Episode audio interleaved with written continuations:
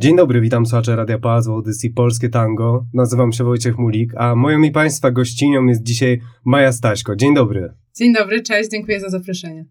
No właśnie, gdybyś musiała wybierać, to kim najbardziej się czujesz? Aktywistką, zawodniczką czy publicystką? czy pisarką. Różnie, w zależności od momentu, natomiast ja cieszę się bardzo, że mam taką możliwość, żeby wiele różnych rzeczy robić. Piszę też spektakle teatralne, piszę książki, to jest moja wielka pasja. Cieszę się, że mogę się spełniać w różnych miejscach i z każdą z tych łatek się identyfikuję. Sportowczyni to też jest coś, co do mnie wróciło rykoszetem po latach, kiedy jako dziecko trenowałam rzeczywiście bardzo długo sport, a teraz wróciło. Do tego jeszcze przejdziemy. Najpierw porozmawiamy o innym temacie, dlatego że nie jest on zbyt popularny wśród aktywistów. Większość jednak osób była zajęta walką o na przykład prawa kobiet. Jak Twoim zdaniem prezentuje się w Polsce temat samotności? Bardzo mocno. I to jest bardzo duży temat. Wydaje mi się, że ten temat też e, w trakcie pandemii, czy też przez pandemię wzrósł tematy, które były podejmowane już w ramach y, działalności feministycznej, czyli na przykład opiekunek osób z niepełnosprawnościami, które są zupełnie same w tym co codziennie przeżywają. Są opuszczone przez państwo i państwo całe obciążenie wszystkich obowiązków y, ceduje na nie. Co więcej, odbierając im tak naprawdę też możliwość do odpoczynku, do spotkań ze znajomymi, do pracy poza, bo jeśli podejmą pracę, to już nie mogą mieć zasiłku. To to jest taka potworna, potworna samotność. Ale mam też wrażenie, że tematy, które ostatnio pojawiają się coraz częściej, które są też równie ważne, Mm, czyli tematy samotności mężczyzn. Mężczyzn, którzy siedem razy częściej niż kobiety w Polsce popełniają samobójstwo. To jest jeden z najwyższych wskaźników w Europie, jeśli chodzi o dysproporcje między płciami. Samotność związana z doświadczeniami, które przeżywamy. Czyli y, podchodzą do mnie osoby, które przeżywają hejt, albo utratę bliskiej osoby, albo traumy i mówią, że czują, że są z tym że tylko one to przeżywają i że nikt nigdy wcześniej nie był w tym miejscu, w którym one są. I to jest takie poczucie samotności, które wydaje mi się, że cały nasz aktywizm, czy, czy mój aktywizm, taki, który ja sobie wyobrażam właśnie oparty na mitu, czyli ja też, on próbuje jakoś e, wychodzić temu naprzeciw. On próbuje pokazać, że ja się czuję zupełnie sama w tym, jeśli doświadczyłam przemocy, czy jeśli mierzę się z jakimś zaburzeniem psychicznym, ale w momencie, kiedy dzielę się tym, kiedy rozmawiam z innymi osobami, one mówią mi, mi tu, ja też, to ta samotność pęka. Czy problemem mężczyzn, facetów nie jest właśnie to, że oni nie mają swojego mitu? No tak, tak, z pewnością.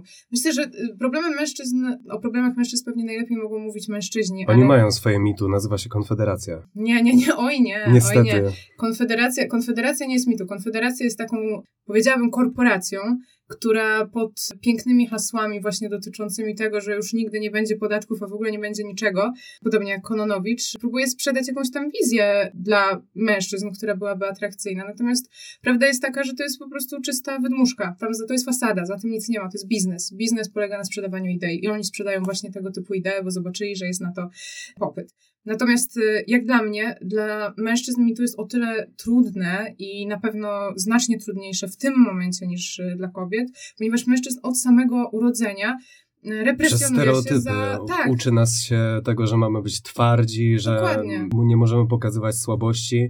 Twardy, twardy mężczyzna, nie dzieli się swoimi emocjami, ma dystans do wszystkiego, absolutnie niczym się nie przejmuje. No i potem mamy właśnie takie e, wyniki samobójstw, ale także poczucia samotności olbrzymiego, no bo jeśli nie mamy z kim się podzielić, to jest pierwszy krok do przełamania tej samotności. Powiedzenie, jest mi ciężko. Druga osoba powie, mi też jest ciężko. I już w tym momencie, w tym, że jest nam ciężko, niezależnie od tego, jaka to jest sytuacja, już nie jesteśmy samotni samotni. Natomiast jeśli wszystko chowamy w sobie, to właściwie nikt inny poza nami samymi nam nie wystarczy, no i w pewnym momencie to się przelewa, no bo nie mamy nieograniczonych zasobów, e, żeby samych siebie wspierać.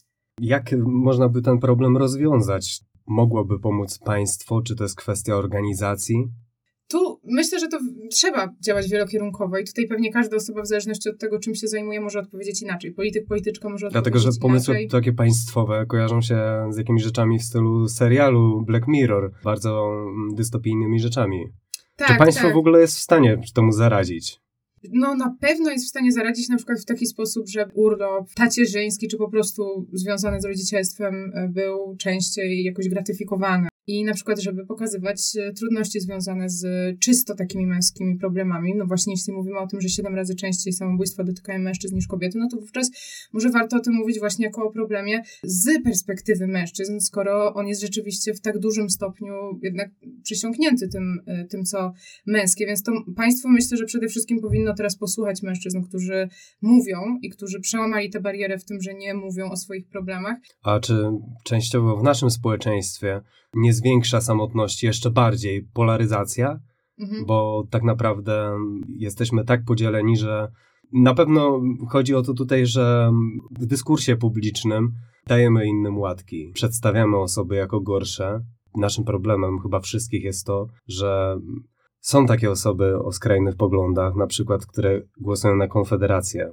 Natomiast my, oceniając je, być może słusznie, ale oceniając je, skazujemy się nawzajem na samotność. Mhm.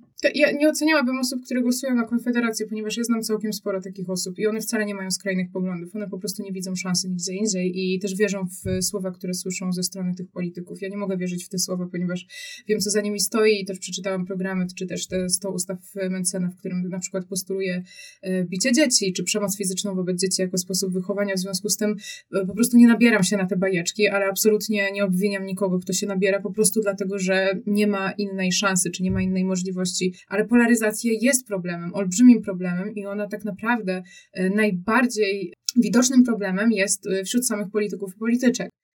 Samotności jak ze wszystkiego. Da się zrobić biznes, więc oczywiście się z niego robi. Co myślisz o takich pomysłach, jak na przykład jakiś czas temu nawet w Warszawie otwarte salony przytulenia?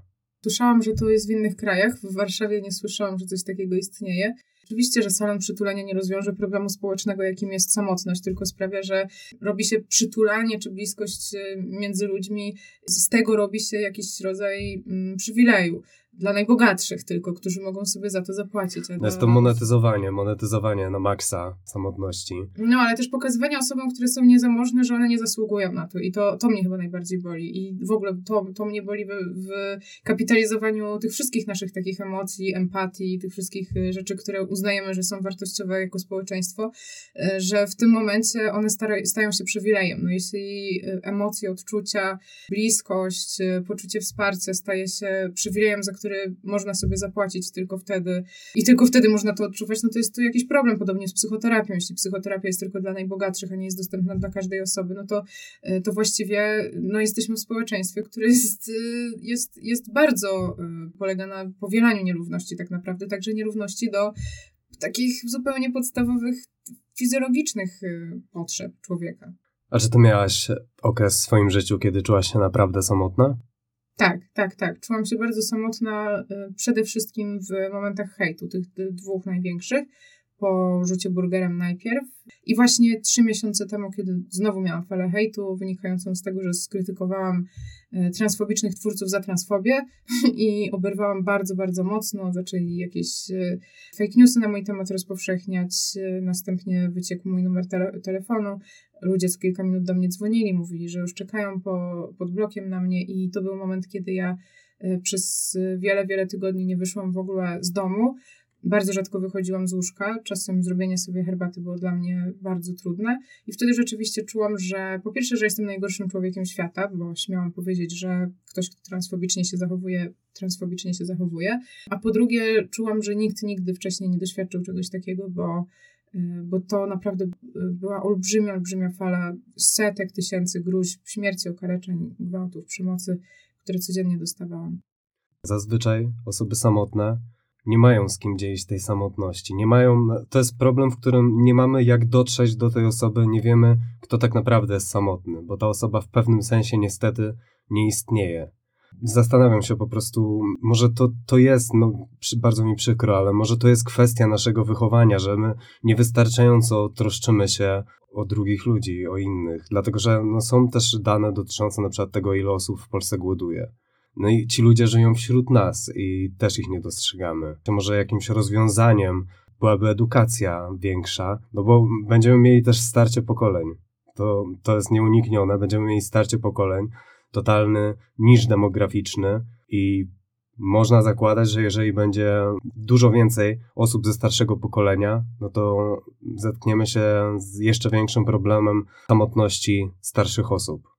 No to jest duży problem. Wydaje mi się, że edukacja jest jedną ze ścieżek, ale to, edukacja jest zawsze taką ścieżką, która działa w przeciągu wielu, wielu lat. Natomiast osoby, które głodują, osoby, które są samotne, osoby, które doświadczyły przemocy, są już teraz i chodzą obok nas. I my, y, idąc przez ulicę, nawet nie zdajemy sobie sprawy, że możemy minąć kilka ofiar gwałtu, osoby, które właśnie w tym momencie mm, są głodne, osoby, które mierzą się z zaburzeniami odżywiania i które na przykład właśnie umierają teraz, to nie jest żadna nasza wina, że my nie widzimy tych problemów, ponieważ bardzo wiele problemów polega właśnie na tym, że jest niewidoczne i to też jest jakieś takie e, znamie tych problemów. Myślę, że najlepszym sposobem, jaki możemy już od razu w tym momencie wdrożyć, to jest jakaś taka próba propagandy wsparcia. To znaczy, tak jak mamy propagandę hejtu, wzajemnego wyzywania się, polaryzacji, to próba e, przerzucenia tego dokładnie na odwrotną stronę. Pamiętam, że spotkałam się raz z chłopakiem, który, który był moim hejterem i pisał mi groźby śmierci. I porozmawialiśmy tak zupełnie serio, otwarcie, twarzą w twarz. I on wtedy powiedział, że niedawno mu umarł tata i on nie wie, jak sobie z tym poradzić, że jest potwornie samotny, jest potwornie nieszczęśliwy, przeżywa traumę i żałobę. W związku z tym dla niego rozwiązaniem nie było to, żeby podzielić się kimś z, tym, y, z kimś tym, co się z nim dzieje, bo to by go wystawiało na ten hejt, to by go wystawiało na komentarze typu sierota, typu y, to ty go zabiłeś i tego typu rzeczy straszne, niewyobrażalne. No w związku z tym dołączył do tej drugiej strony, do strony hejtera, do strony uderzania w kogoś, szczucia na kogoś i to jest bardzo niezdrowe. Potem sięgnął po pomoc, teraz już wie, jak sobie z tym zdrowo radzić i jest po dobrej stronie, nie czuje się też samotny w tym wszystkim, ma rodzinę wspierającą, ale ale mogło być zupełnie inaczej. No właśnie, zacząłem ten temat, dlatego że to ty wiesz jeden z największych zasobów wiedzy na temat tego, ilu ludzi w Polsce jest samotnych. Bo tak jak powiedziałaś, ci wszyscy ludzie, którzy są twoimi hejterami, to naprawdę są ludzie, którzy mają realne problemy i duża część z nich potrzebuje pomocy.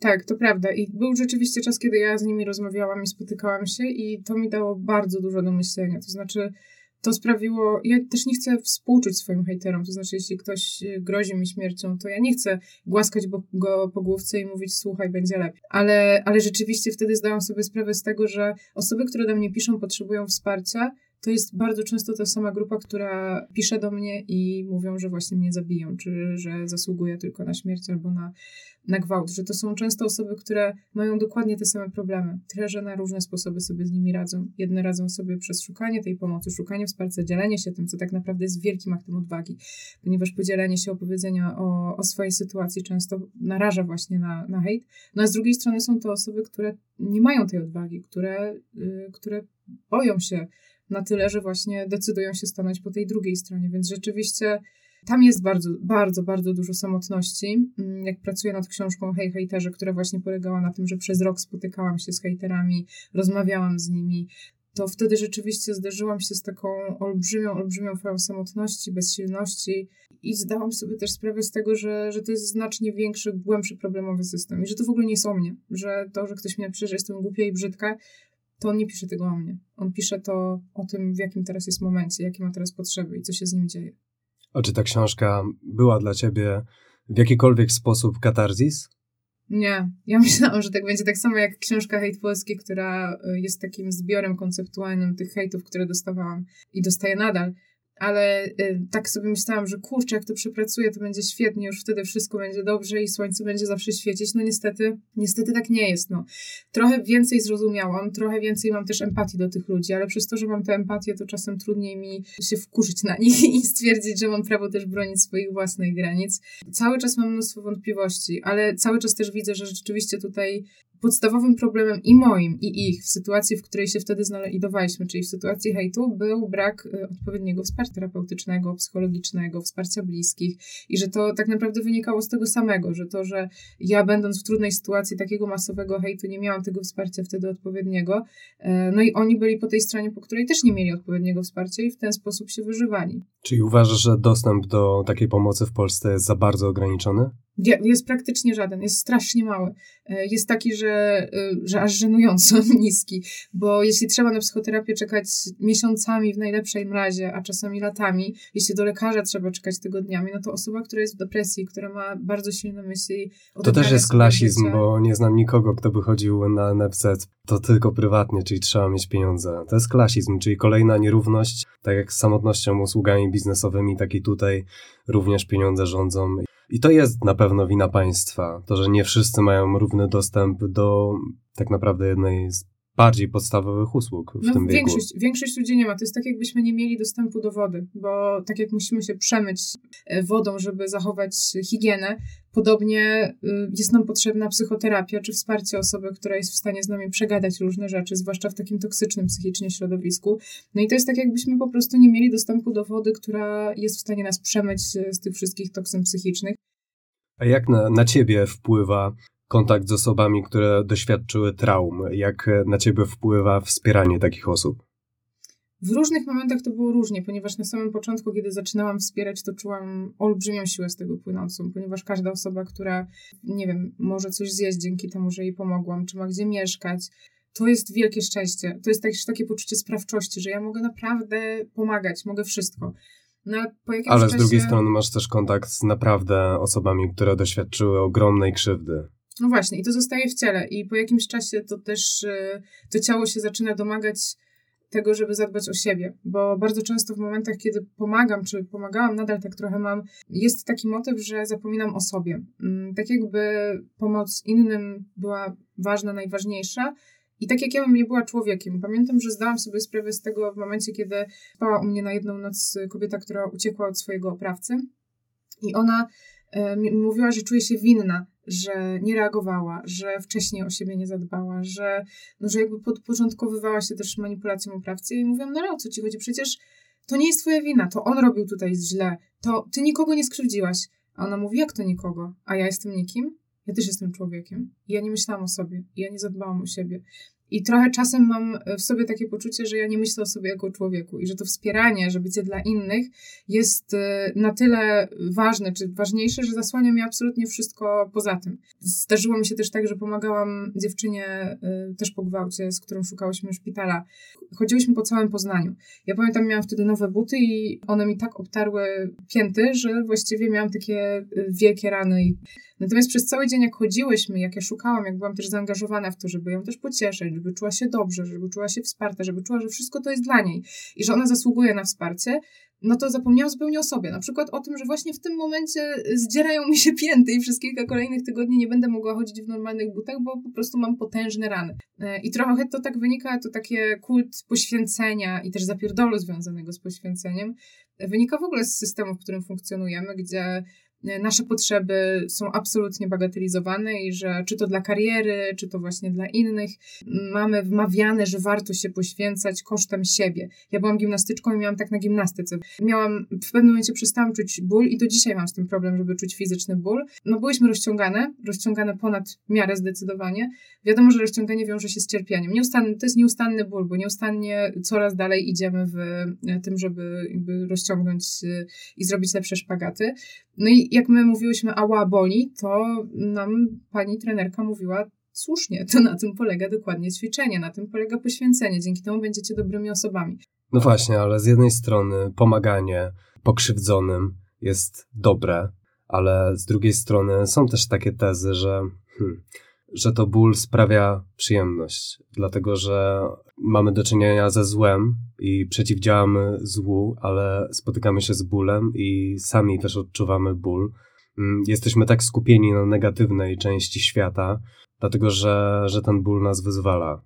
Na pewno jest tak, że to, co jest bardziej traumatyczne, mocne, uderzające, że to bardziej przyciąga ponieważ po prostu wywołuje mocniejsze emocje. Na tym, no na tym dokładnie polega większość clickbaitów. I może być coś w tym rzeczywiście, że, że, że to jest takie nieustanne wystawienie na to, co intensywne, to, co trudne. A wracając do, czyli e, częściowo za samotność w Polsce jest odpowiedzialna kultura zapierdolu. To, nawet nie częściowo, to kultura zapierdolu wydaje mi się, że jest w samym e, jądrze, jeśli nie w ogóle źródłem e, tego problemu, ponieważ kultura zapierdolu polega między innymi także na tym, żeby izolować e, wzajemnie od siebie ludzi czy też pracowników, ponieważ wiadomo, że kiedy pracownicy się konsolidują i organizują, tworzą związki zawodowe, wówczas są niebezpieczni dla osób, które mają pieniądze i korzystają z ich pracy. W związku z tym kultura zapierdolu polega na tym, żeby mm, fetyszyzować jednostkę i jej wpływ, że wszystko w Twoich rękach, że możesz wszystko osiągnąć zupełnie sam. Nie patrz na innych, patrz na innych jak na rywali, ale na pewno nie na, jak na osoby, które, nie wiem, które mogą Ci pomóc, którym Ty możesz pomóc. To powoduje, że my do siebie mamy zerowe zaufanie społeczne. Skoro mamy na wszystkich patrzeć jak na rywali i mamy się do nich porównywać i mamy jeszcze e, próbować ich za wszelką cenę prześcignąć, no to oczywiste jest, że wówczas tworzenie takich więzi, które będą oparte na zaufaniu, czy nawet na takim dzieleniu się wzajemnym swoimi trudnościami, no nie będzie y, najoczywistszym rozwiązaniem w sytuacji kryzysu psychicznego czy jakiejś samotności. W związku z tym, jak dla mnie, kultura zapierdolu, czy no w ogóle szerzej to ujmując po prostu kapitalizm, system, w którym funkcjonujemy, dowartościowujący wyłącznie jednostkę, stawiający na nią, stawiający też pełne obciążenie na tej jednostce, e, próbujący jak najbardziej odizolować ludzi od siebie wzajemnie właśnie, to jest źródło problemu. 13% Polaków należy do związków zawodowych. To świadczy o tym, jak jesteśmy samotnym krajem, Uważasz, że są szanse, żebyśmy, żeby na przykład w temacie związków zawodowych, żeby kiedyś to ruszyło do przodu, dlatego że są kraje w Europie, nie wiem, Holandia, gdzie wygląda to o wiele lepiej. Dzieje się coś pozytywnego w kwestii walki o prawa pracownicze? Dzieje się bardzo dużo pozytywnych rzeczy, natomiast y, nie wydaje mi się, żeby to oznaczyło, że jesteśmy samotnym krajem. To oznacza, że robi się z pracowników samotnych ludzi. Rzeczywiście opłaca się to, żeby oni byli samotni, ale przecież to na pewno nie jest jakaś, nie wiem, polska mentalność albo coś, co w nas jest wewnętrzne i, i takie oczywiste i naturalne, ponieważ w latach 80. mieliśmy jeden z, naj, jeśli nie największy w ogóle związek zawodowy Solidarność, który był absolutną podstawą i funkcjonowanie w nim i działanie nie tylko na zasadach pod kątem pracowniczym, ale ale także pod kątem społecznym, towarzyskim i wszelkim innym, było, e, było zupełną oczywistością. I to był moment, kiedy trzeba było się skonsolidować i sprzeciwić systemowi, który jest skrajnie zły i który rozpoznawaliśmy jako wroga. Rozpoznawaliśmy jako wroga między innymi ze względu na to, że e, był takim wrogiem narodowym.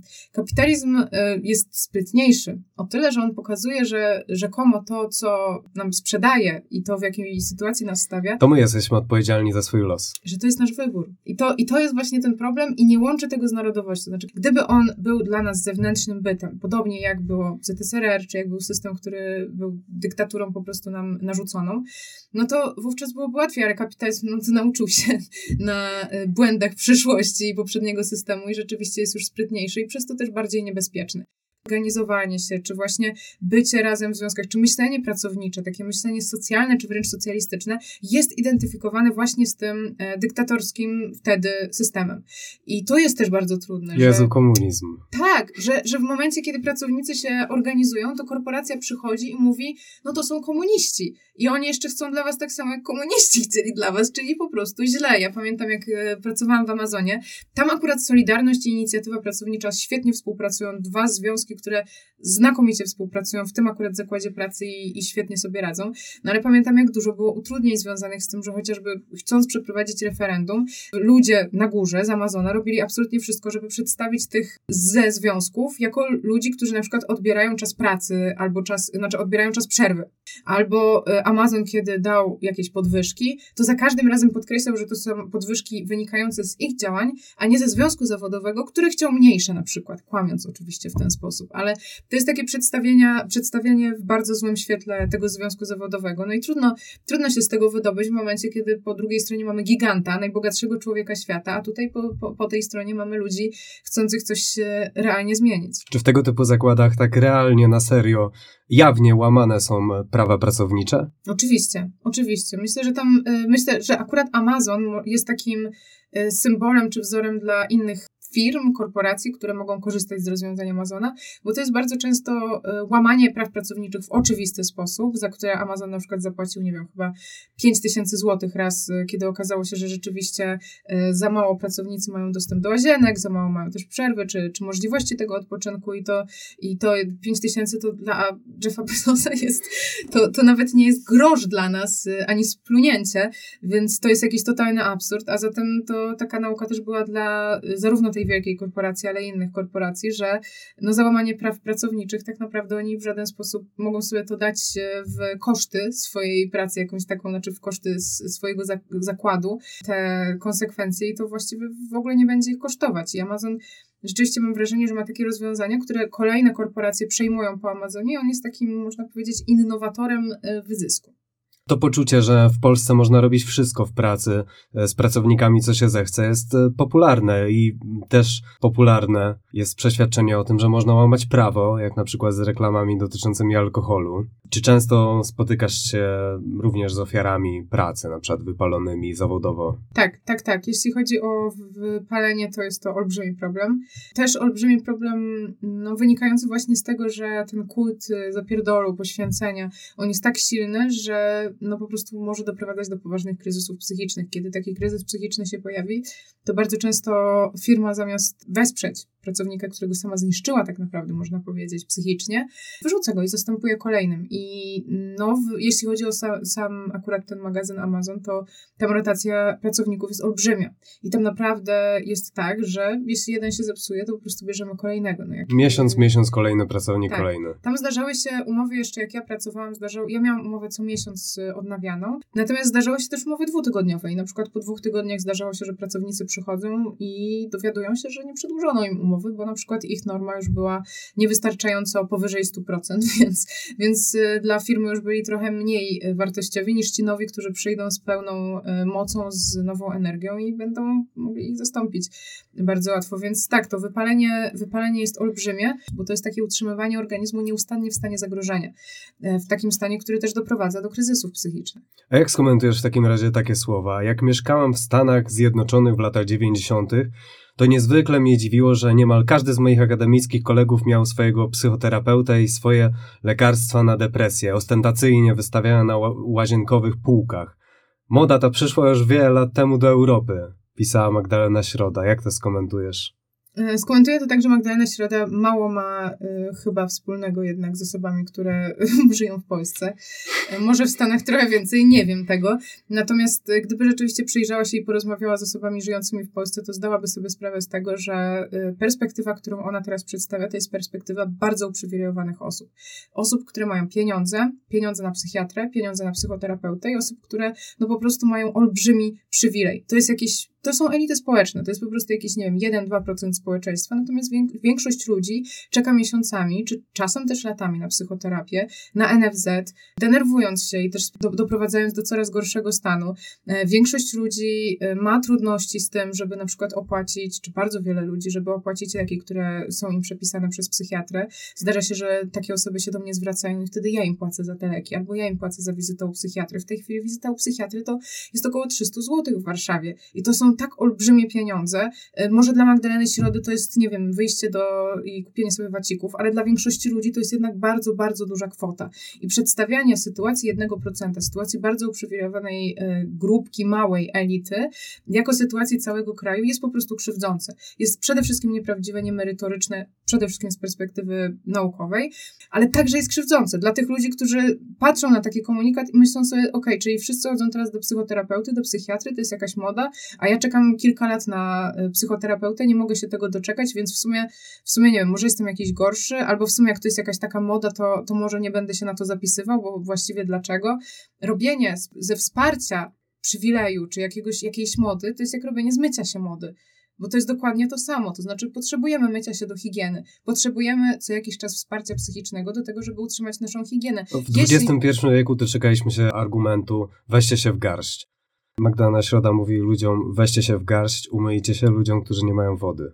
To dokładnie, dokładnie tak to wygląda. A, I jeszcze mówi, co więcej, no teraz za często się myjecie, mycie się to jest y, moda. Mówi to do ludzi, którzy o wodę żebrają, dosłownie. Bo to jest tak, że czekanie na psychoterapię latami, miesiącami, także dla osób po przemocy y, seksualnej, której ja wspieram, to jest po prostu codzienność. I one słysząc o tym, że to jest jakaś moda, no widzą po prostu bardzo uprzywilejowaną osobę z Warszawy, która im teraz mówi, jak mają żyć i, i właściwie nie, mają, nie ma nic wspólnego z ich y, realną, codzienną rzeczywistością. W kwestii takich osób, osoby zgwałcone często boją się szukać pomocy psychologa albo psychiatry, Właśnie w obawie przed tym, że jeśli zapis o leczeniu czy terapii znajdzie się w aktach, stracą wiarygodność. Opisujesz takie sytuacje.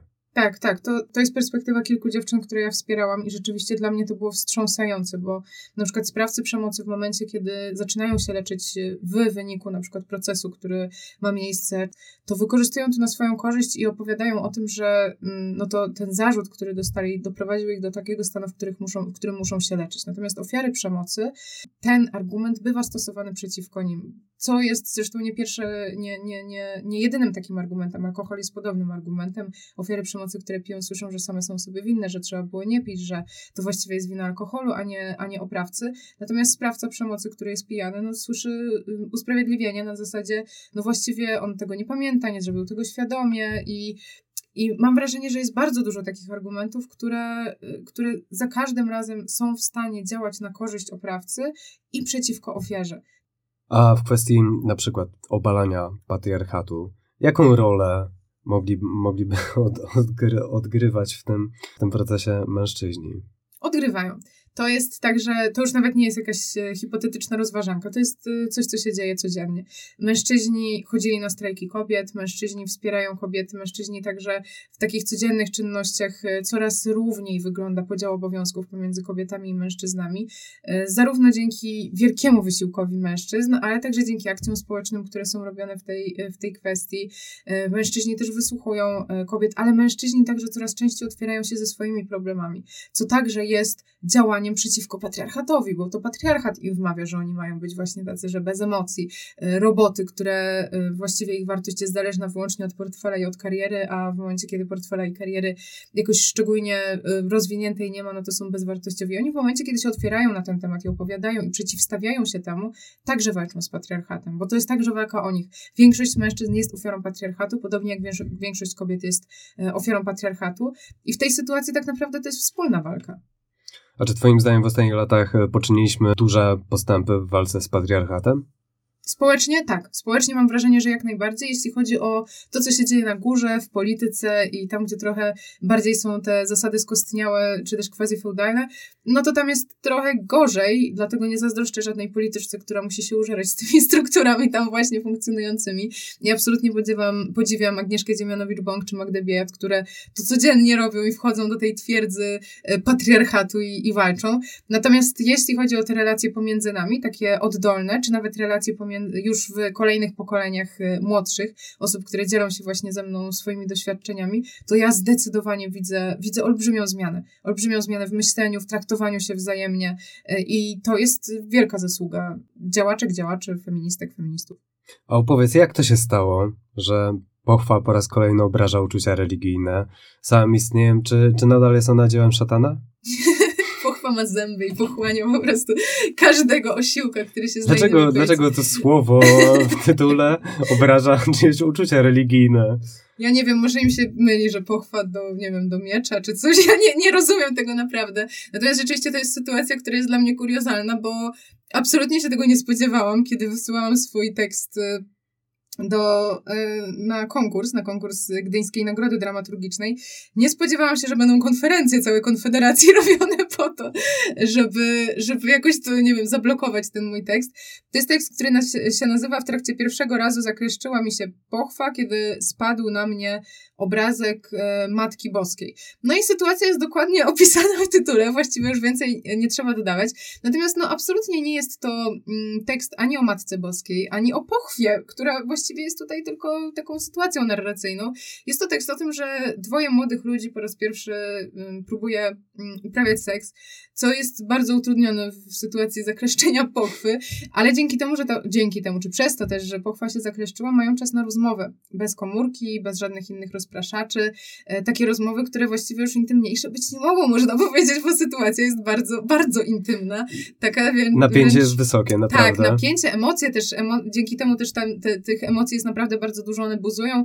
E, każdy właściwie dźwięk jest jakimś takim dźwiękiem zagrażającym, że oto rodzice wchodzą, a z drugiej strony przez to, że nie ma tam różnych rozpraszaczy, innych bodźców i że jest taka bliskość między dwiema osobami, które jednak muszą sobie ufać w takiej sytuacji, no bo e, chcąc nie chcąc znalazły się w bardzo niekomfortowej sytuacji, które wreszcie mogą się przed sobą otworzyć po raz pierwszy, a może jedyny w swoim całym życiu, więc e, jak czyli, dla mnie... Czyli napisałeś rzecz pokonującą samotność. Tak, Tak, to jest rzecz przeciwko samotności. Można powiedzieć, że to jest manifest przeciwko Czyli e, samotności. manifest przeciwko samotności obraża uczucia religijne. Powinniśmy być Tak. e, samotni i modlić się w samotności. I widzisz, i Konfederacja mówi, że daje odpowiedź na samotność mężczyzn. Nie, Konfederacja, jak widać, sprzeciwia się temu, żeby walczyć z samotnością, bo tam jest chłopak, tam jest dziewczyna i oni wreszcie otwierają się przed sobą i wreszcie, e, wreszcie tej samotności dają jakiś taki sprzeciw.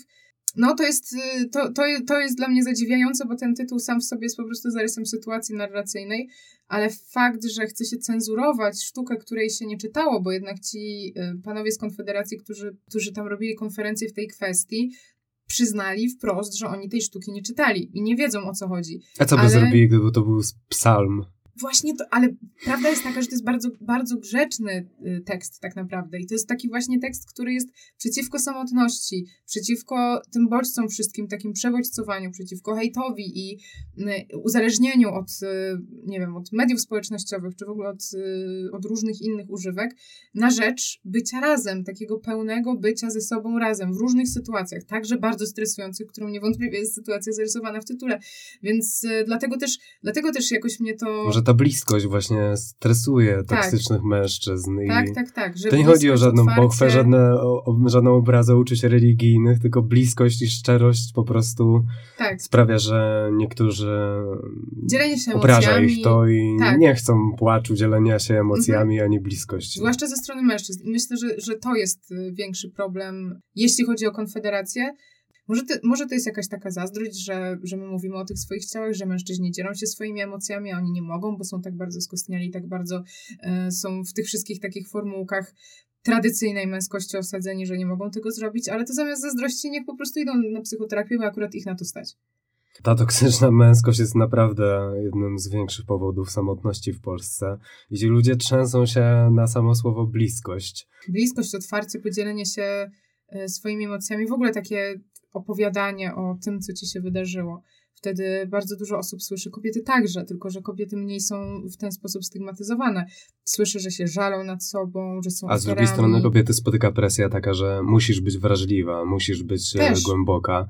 Inne emocje mamy prawo wyrażać. E, Emocje smutku są przeznaczone dla nas. Te emocje smutku to też są takie emocje, które e, sprawiają, że trochę znikamy, no bo płacz, e, schowanie się w kącie, gdzieś próba przepracowania tego, natomiast gniew jest bardziej zarezerwowany dla mężczyzn. I to też jest taka emocja w momencie, kiedy na przykład na strajku kobiet my dawałyśmy wyraz swojemu gniewowi i na przykład było to przez wulgaryzmy. Tak, to wszystkie oburzyło krzyki. to, co co tydzień pada churalnie na 30-tysięcznych stadionach. No dokładnie tak, kiedy kobieta rzuci dokładnie to samo, co jest absolutną normą i podstawą komunikacji wśród mężczyzn, to nagle, nagle okazuje się, że to jest agresywna osoba, że to jest osoba, która, która jest radykalna, która jest staje niekobieca.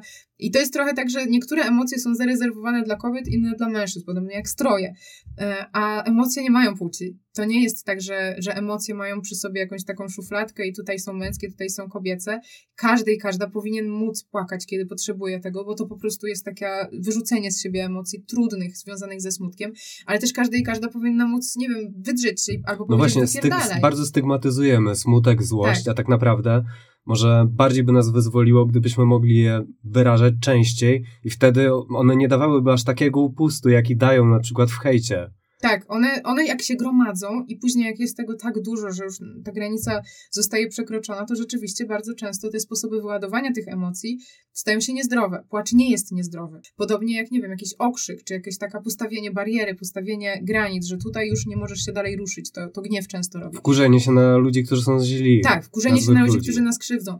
E, Ale w momencie, kiedy to wszystko jest, tak się u nas sączy powoli, albo jakiś taki bigos nam się robi w środku emocjonalny, no to on Nie możemy tego jakoś... wyrażać, a potem ktoś loguje się i... e, Tak, i zaczyna, i zaczynasz odpala czuć, się. i zaczyna się, i zaczyna narażać też innych ludzi, i jeszcze robi sobie z tego jakiś wyraz siły, wyraz tego, że on jest odważny, że on teraz jest y, tutaj, dostaje więcej leków niż ludzie, którzy będą pisać, ej, trochę przesadzasz, albo będą pisać wsparcie osobom, które są potrzebujące, więc Pomaga ci w kwestii gniewu. Czujesz, że możesz się wyzwolić w sporcie?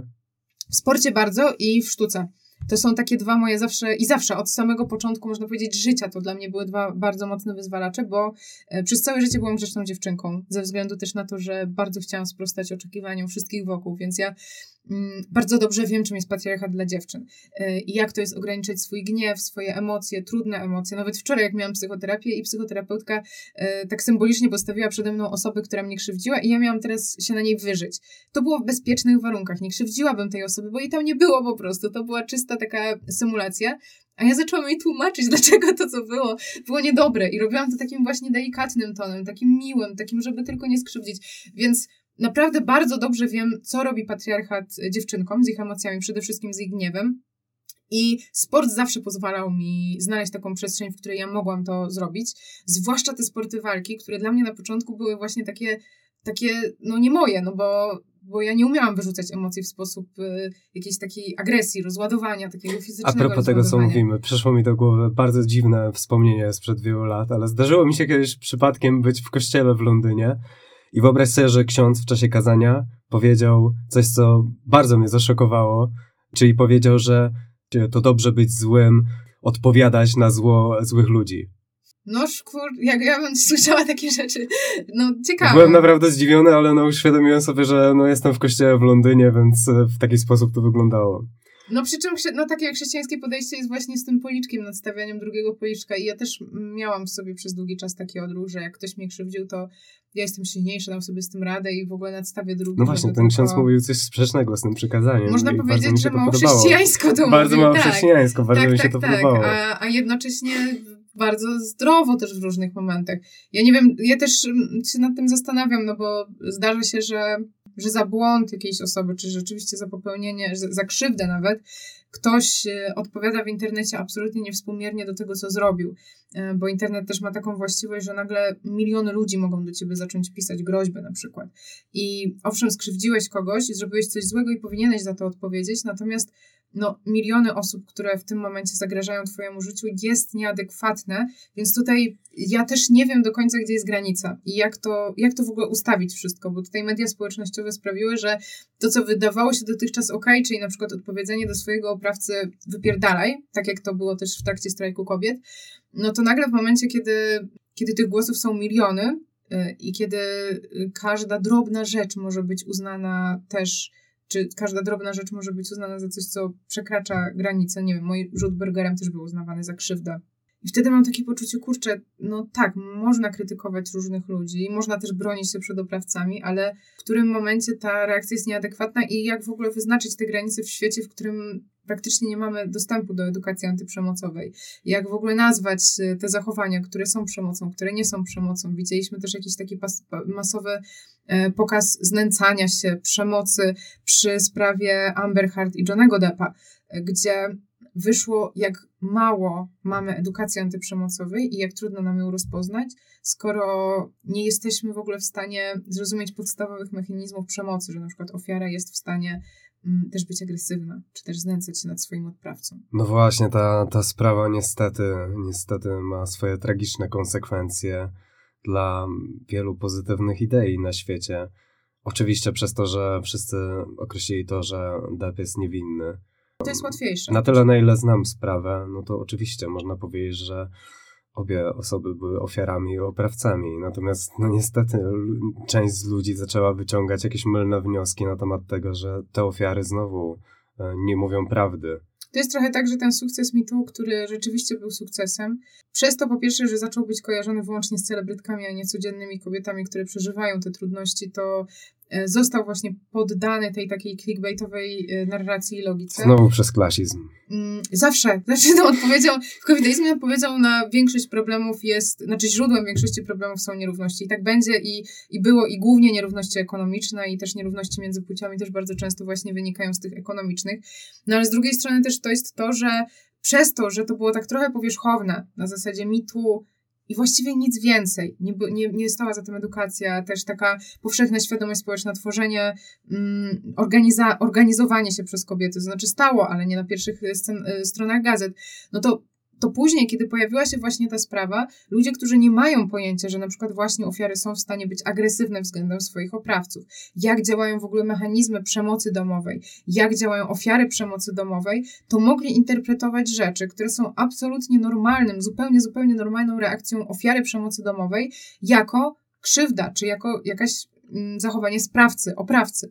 E, zamiana biegunów pomiędzy ofiarą a sprawcą jest bardzo częsta w linii obrony sprawców przemocy domowej, ale tego ludzie też nie wiedzą, ponieważ do tego nie mają dostępu. Mają dostęp do tego, co publiczne, do też takich powierzchownych czy też polukrowanych, y, y, polukrowanych wizji, narracji, natomiast do tego, co realne, co się dzieje na rozprawach sądowych, co się dzieje w domach codziennie, nie mają dostępu i do tych mechanizmów, które już są opisane, ponieważ to się nie sprzedaje. Edukacja się nie klika, e, wspieranie ofiar się nie klika. Klika się to, że biedny mężczyzna został e, zaatakowany i niesłusznie oskarżony. Dwie ofiary się nie klikają. Kobietę. Klika Dwie się jedna. Się klikają, jedna tak. osoba musi być polaryzacja, musi być czarno-białe wszystko. Tak, tak. I na początku było czarno-białe właśnie dlatego, że Amber jest idealna, krystaliczna i cudowna i idealna ofiara a właśnie Johnny Depp jest oprawcą. No a później w trakcie tej narracji to się dokładnie, znaczy te, te, tego procesu to się dokładnie odwróciło. Ani ta pierwsza wizja nie była prawdą, ani ta druga wizja nie jest prawdą, bo też ofiary nigdy nie będą krystalicznie czyste.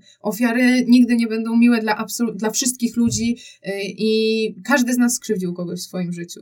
Ofiara przemocy też to, że ofiara przemocy skrzywdziła kogoś tam, nawet swojego oprawcę, nie oznacza, że nie jest ofiarą przemocy. No, to są takie rzeczy, o których mówienie po prostu się nie opłaca, bo komplikuje tę sprawę, a nie sprawia, że możemy właśnie tu się postawić po jego stronie i zacząć znęcać się nad tą drugą stroną, nie patrząc na przykład na to, co się dzieje wokół nas, bo problem przemocy domowej jest powszechny.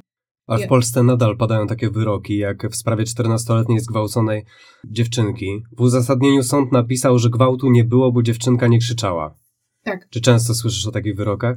Słyszę o takich wyrokach co jakiś czas, y, jeśli chodzi o te uzasadnienia dotyczące umorzeń, zgwałceń, to one rzeczywiście są skandaliczne. Ja co jakiś czas do mnie docierają y, kolejne tego typu uzasadnienia. No, nagłaśniałam sytuację Katarzyny, która zgłosiła gwałt, a następnie sama została skazana na więzienie. Wcale nie dlatego, że kłamała w kwestii gwałtu, bo tego sąd nie dowiódł, bo sąd w ogóle nie dowiódł, czy do gwałtu doszło, czy nie, bo po prostu nie wykonał odpowiednio swojej roboty, co widziałam na własne oczy.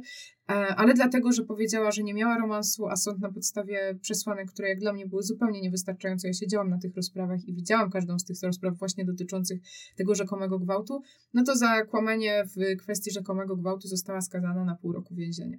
Na szczęście później dzięki odwołaniu się do Rzecznika Praw Obywatelskich udało nam się zmienić ten wyrok, bo też e, Katarzyna była załamana, no bo ma dzieci i była załamana, kto się tymi dziećmi zajmie w ogóle, jak będzie wyglądać jej dom w tym czasie, kto się będzie opiekował jej rodziną, więc e, dla niej to było wstrząsające, ale niedawno była także także wyrok Ani, Ani, która była bohaterką reportażu w mojej książce Gwałt Polski, ale ostatnio jej oprawca został skazany i za 14 lat znęcania się, które zostało stwierdzone przez sąd, że te 14 lat rzeczywiście miało miejsce, a także za gwałty, które również zostały stwierdzone przez sąd, że miały miejsce i że do nich doszło, został skazany na pół roku więzienia. No to, to naprawdę wstrząsające. Jak wspierać osobę, która doświadczyła gwałtu? Przede wszystkim z uznaniem wedle jej zasad. I, I to jest chyba najważniejsze, bo Oczywiście są, są takie rzeczy, których na pewno robić nie powinno się, czyli na przykład y, rady, których ta osoba nie chce słyszeć, ocenianie jej decyzji, ocenianie jej stroju, jej wyglądu, jej relacji z osobą, która ją skrzywdziła. To wszystko jest zupełnie nie na miejscu i na pewno nie pomoże tej osobie. Natomiast y, to, co może pomóc tej osobie, to przede wszystkim traktowanie jej jak człowieka, który może mieć swoje własne potrzeby, zupełnie inne od potrzeb innych osób, które doświadczyły tego samego, co ona jeśli nie wiemy, jeśli osoba sama na przykład nie powie nam, słuchaj, mm, poszłabyś ze mną na zakupy, trochę się boję wychodzić, jest mi ciężko, albo e, poszłabyś ze mną do psychoterapeuty, albo może załatwisz mi jakąś e, wizytę u psychoterapeutki, bo jest, no ja po prostu nie mogę teraz, jest mi za ciężko, nie mogę o tym myśleć, nie mogę na to patrzeć, e, to wtedy, to wtedy najlepiej po prostu, jeśli mamy takie, taką możliwość, to to wykonać. Jeśli nie, to może poszukać na przykład innej osoby, która byłaby w stanie wesprzeć w tym momencie, bo my też nie mamy nieograniczonego zasobu pomagania. Możemy być sami w trudnym momencie i w takim momencie czasem lepiej odpuścić i dać y, to komuś innemu, bo jest więcej osób niż jedna, niż y, poświęcać samego siebie, czyli niszczyć swoje zdrowie psychiczne, a jednocześnie nie być prawdopodobnie w stanie dobrze wesprzeć tej drugiej strony. No ale jeśli osoba nie wyrazi jednoznacznie tego, czego by potrzebowała i precyzyjnie, to zawsze warto zapytać, jak ci mogę pomóc, co mogę zrobić z tobą. Słuchaj, może przyjadę do ciebie, może, e, może potrzebujesz teraz po, porozmawiać, może, może chcesz zadzwonić do mnie. Różne, różne możliwości. Jeśli osoba sama nie, nie precyzuje, to wtedy możemy dać kilka takich właśnie możliwości, e, a także pokazać, że jest możliwość wsparcia instytucjonalnego, ponieważ to, co my możemy dać, to jest bycie obok, wsparcie, mm, nie wiem, rozmowy, spacer, zakupy. Natomiast no, nie przeprowadzimy tej osobie psychoterapii. Czyli w kwestii samotności. Pomagasz ofiarom, zdajesz sobie jak nikt e, sprawę z tego, ile osób w Polsce potrzebuje pomocy, ale jednak, e, jednak bliskość, e, sztuka obrażają w Polsce i walka z samotnością obrażają w Polsce. Walka z samotnością obraża w Polsce uczucia religijne. To jest Części straszne. To jest, to jest prawda.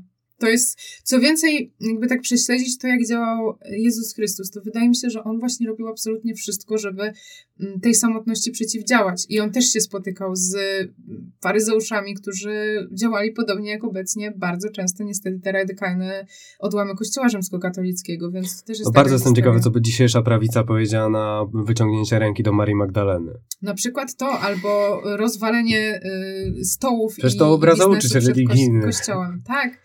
I bardzo, bardzo dużo, bardzo dużo działań, albo w ogóle takie mm, bycie obok osób, które są potrzebujące, albo które popełniły błędy, które Są w Polsce stygmatyzowane. Pomoc jest w Polsce stygmatyzowana. tak, i je, je, jest, no tak, jest większym grzechem niż, jest prawie tak samo strasznym grzechem jak y, seks przedmałżeński. Bardzo Czyli dziękuję. bliskość. Czyli bliskość, tak. Bardzo dziękuję. Moją i Państwa gościnią była dzisiaj najodważniejsza dziewczyna w Polsce, moja Staśko. Dziękuję bardzo. Dziękuję bardzo, ale jest mnóstwo odważnych dziewczyn w Polsce. Dziękuję bardzo. Ja nazywam się Wojciech Mulik, słuchaliście audycji Polskie Tango. Dziękuję za uwagę, do usłyszenia. Trzymajcie się, cześć.